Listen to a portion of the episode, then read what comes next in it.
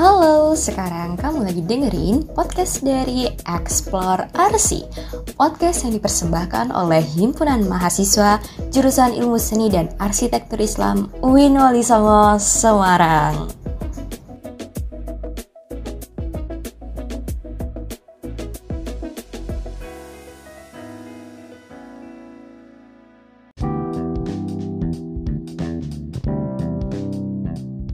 Hai hai hai Sobat Explore. Gimana kabarnya? Semoga selalu sehat-sehat ya. Selamat datang di podcast Explore RC Yang akan ngebahas all about seni dan arsitektur. Wih, bakalan seru nih.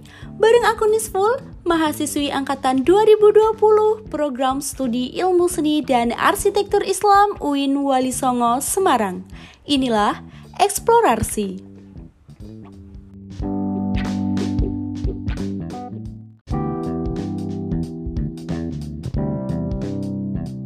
Ngebahas soal arsitektur kayaknya nggak ada habisnya ya Sobat Explore.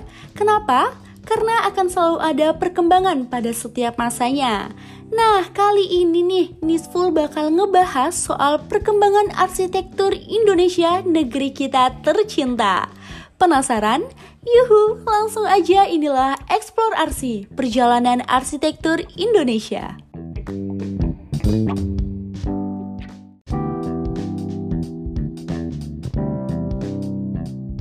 Arsitektur di Indonesia mengalami perkembangan dari waktu ke waktu pastinya. Perkembangan teknologi pun menjadi salah satu alasan mengapa arsitektur Indonesia mengalami perubahan. Menurut data dari jurnal karya Maria I. Hidayatun, Joseph Prijotomo, dan Murni Rohmawati, perkembangan arsitektur dipengaruhi oleh tiga komponen, yakni globalisasi, internasionalisasi, dan universalitas yang sifatnya berorientasi pada kesamaan yang mendunia. Untuk itu nih Sobat Explore, harus ada satu sikap dari para arsitek di Indonesia agar jati diri arsitektur Indonesia tidak hilang di telan arus perkembangan zaman. Nah Sobat Explore, melalui pemikiran tiga tokoh arsitektur, yakni Mangunwijaya, Prijotomo, dan Pangersa, didapatkan hasil nih bahwa nilai kesetempatan atau lokalitas merupakan bagian penting dalam karya arsitektur, sebagai dasar untuk menjaga dan mengembalikan jati diri arsitektur Indonesia. Sementara itu, nilai kesemestaan atau persamaan wujud tidak dapat dihindari karena zaman selalu berubah. Nah, melalui nilai kesetempatan atau identitas lokalitas ini akan diarahkan dan diberikan petunjuk bagaimana keberlangsungan dan kelestarian jati diri itu dipertahankan dalam perkembangan zaman keberlangsungan dan kelestarian kesetempatan dalam menghadapi nilai-nilai kesemestaan dapat dilakukan melalui kecerdasan sikap, modifikasi, dan tafsir ulang dengan menggunakan pemikiran yang kritis. Sementara keunikan alam, material, dan integrasi tergantung dalam keadaan suatu tempat. Jadi Sobat Explore, di Indonesia sendiri terdapat lima periode yang tercatat dalam sejarah perkembangan arsitektur Indonesia. Apa aja? Langsung aja, yang pertama ada arsitektur vernakular atau tradisional. Terdapat perbedaan pendapat nih mengenai arsitektur vernakular ini. Yang pertama ada yang mengatakan bahwa vernakular berasal dari tradisi Hindu besar yang dibawa ke Indonesia dari India melalui Jawa. Dan yang kedua, arsitektur vernakular ini tumbuh dan berasal dari rakyat suatu daerah yang merupakan identitas dari setiap daerahnya. Indonesia memang memiliki berbagai macam etnis, sehingga terdapat bermacam-macam bangunan dengan gaya arsitektur vernakular yang tentunya pastinya berbeda-beda. Dan pendapat yang ketiga adalah arsitektur pribumi asli, seperti rumah yang ditemukan di daerah pedesaan, dibangun dengan menggunakan bahan-bahan alami seperti atap ilalang, anyaman bambu, kayu kelapa, ataupun batu. Bangunannya merupakan representasi dari keadaan lingkungan sekitar. Rumah-rumah di pedalaman Indonesia masih banyak yang menggunakan bambu. Contohnya ada di pedalaman Madura, di Jawa Timur, itu masih banyak banget yang menggunakan konsep vernakular untuk hunian mereka. Hal ini juga dikarenakan mungkin karena faktor ekonomi keluarga yang berbeda-beda ya sobat explore. Selanjutnya ada arsitektur zaman Hindu-Buddha. Wow, Hindu-Buddha.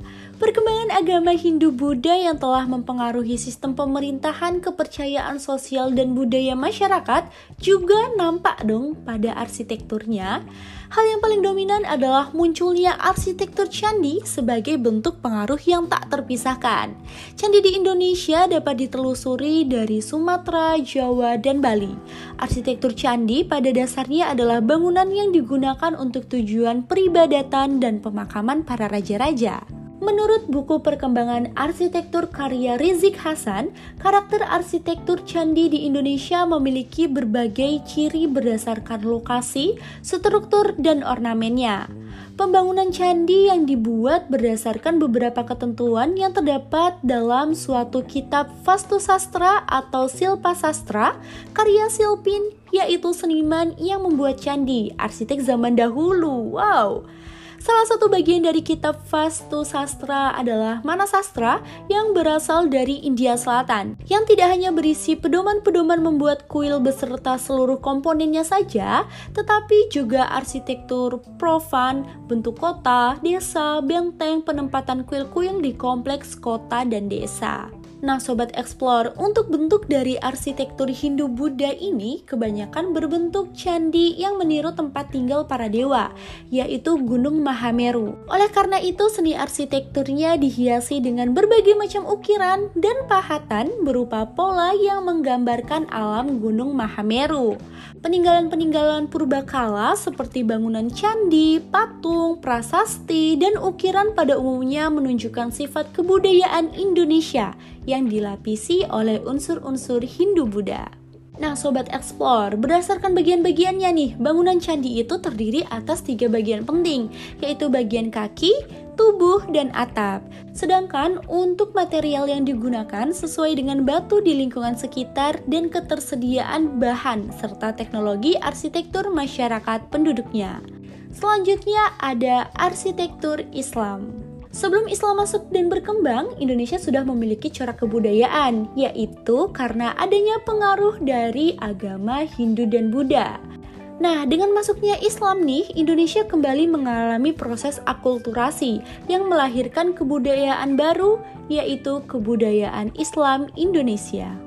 Tentunya hal tersebut juga berpengaruh terhadap corak bangunan yang ada di Indonesia. Setelah Islam masuk, mulai terdapat bangunan masjid sebagai tempat beribadah. Banyak masjid agung di Indonesia dan tetap mempertahankan bentuk asalnya yang menyerupai candi Hindu-Buddha bahkan pagoda Asia Timur. Terdapat pula yang menggunakan konstruksi dan ornamentasi bangunan khas daerah masjid tersebut berada.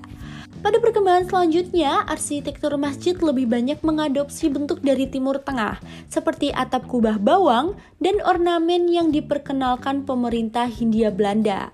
Kalau dilihat dari masa pembangunannya, masjid ini dipengaruhi oleh budaya yang masuk pada daerah itu.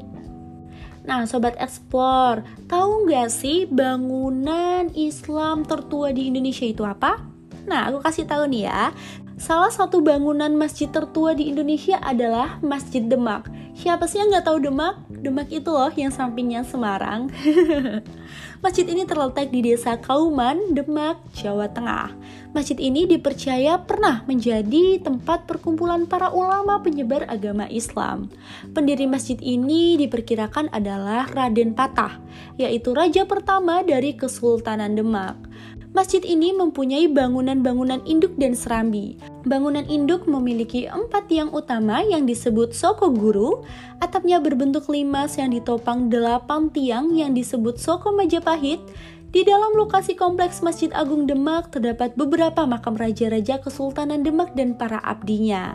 Di sana juga terdapat sebuah museum yang berisi berbagai hal mengenai riwayat pendirian Masjid Agung Demak. Next, ada arsitektur kolonial. Masuknya Eropa di Indonesia menambah kekayaan ragam arsitektur di Nusantara. Seiring perkembangan peran dan kuasa, kaum Eropa semakin dominan dan permanen hingga akhirnya berhasil berekspansi dan mendatangkan tipologi baru. Selain itu, semangat modernisasi dan globalisasi khususnya pada abad ke-18 dan 19 memperkenalkan Indonesia pada bangunan modern seperti administrasi pemerintahan kolonial, rumah sakit, atau fasilitas militer. Selain itu, ada bangunan bermaterial beton yang juga merupakan pengaruh dari kaum Belanda pada saat itu. Ciri bangunan kolonial bisa dilihat dari pilar-pilar yang khas dengan nuansa arsitektur klasik Eropa. Selain itu, tampak dari bentuk jendela yang berjejer di sepanjang sisi bangunan. Struktur atap kuda-kuda juga termasuk ciri yang paling menonjol dari bangunan kolonial loh. Salah satu contoh bangunan kolonial yang ada di Indonesia adalah Gedung Sate di Bandung. Proses pembangunan gedung melibatkan sekitar 2000 pekerja. Wow, banyak banget.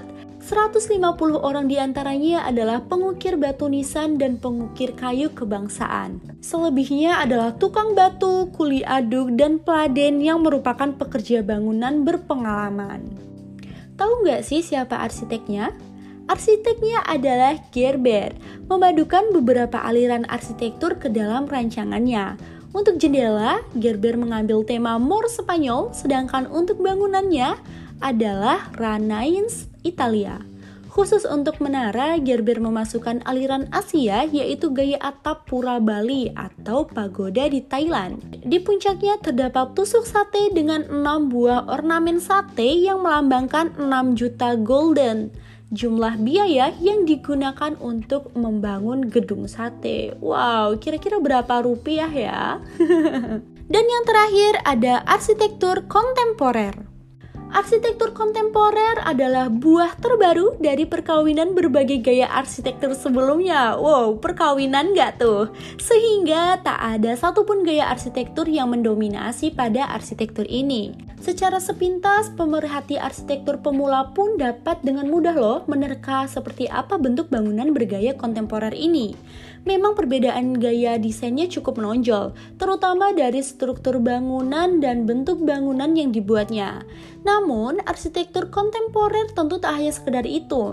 Istilah arsitektur kontemporer sendiri merujuk pada gaya bangunan yang berkembang di era modern saat ini.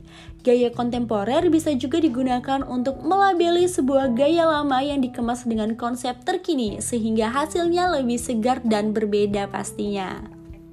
Oleh karena itu nih Sobat Explore, gaya ini memiliki beberapa turunannya seperti kontemporer modern, klasik, dan rustik. Di abad ke-21 ini, gaya kontemporer semakin menuai kesuksesan berkat adanya bantuan teknologi yang semakin menyempurnakan hasil desainnya. Penerapan arsitektur kontemporer pun tak bisa lepas dari peran teknologi hingga berbagai jenis material terkini. Bangunan kontemporer biasanya ditandai dengan bentuk atap yang unik dan tidak biasa, pemanfaatan cahaya alami, dan penerapan ruang terbuka serta penggunaan eksterior bangunan. Contoh bangunan kontemporer dapat kita lihat nih, hampir di setiap hunian, perkotaan, bahkan masuk ke pedesaan untuk saat ini. Nah, Sobat Explore, dari setiap proses perkembangan arsitektur ternyata memiliki filosofi mendalam ya. Hal ini yang menjadikan setiap fase memiliki keunikan tersendiri. Semakin hari, semua hal akan mengalami perkembangan, termasuk juga arsitektur. Mungkin ada baiknya jika para arsitek tetap menerapkan jati diri arsitektur Indonesia di tengah arus globalisasi, serta dipadukannya dengan konsep terkini. Maka dari itu, identitas bangunan Indonesia akan tetap eksis apabila para pelaku arsitektur selalu konsisten dan sadar terhadap kekayaan yang dimiliki Indonesia.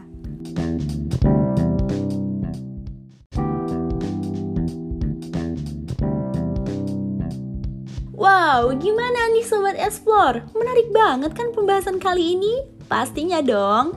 Seneng banget nih aku Nisful bisa bercuap-cuap di episode kali ini. Terus dengerin podcast Explore RC yang pastinya bakal ngebahas bahasan yang seru-seru deh. Aku Nisful pamit undur diri, semoga bermanfaat. Bye-bye.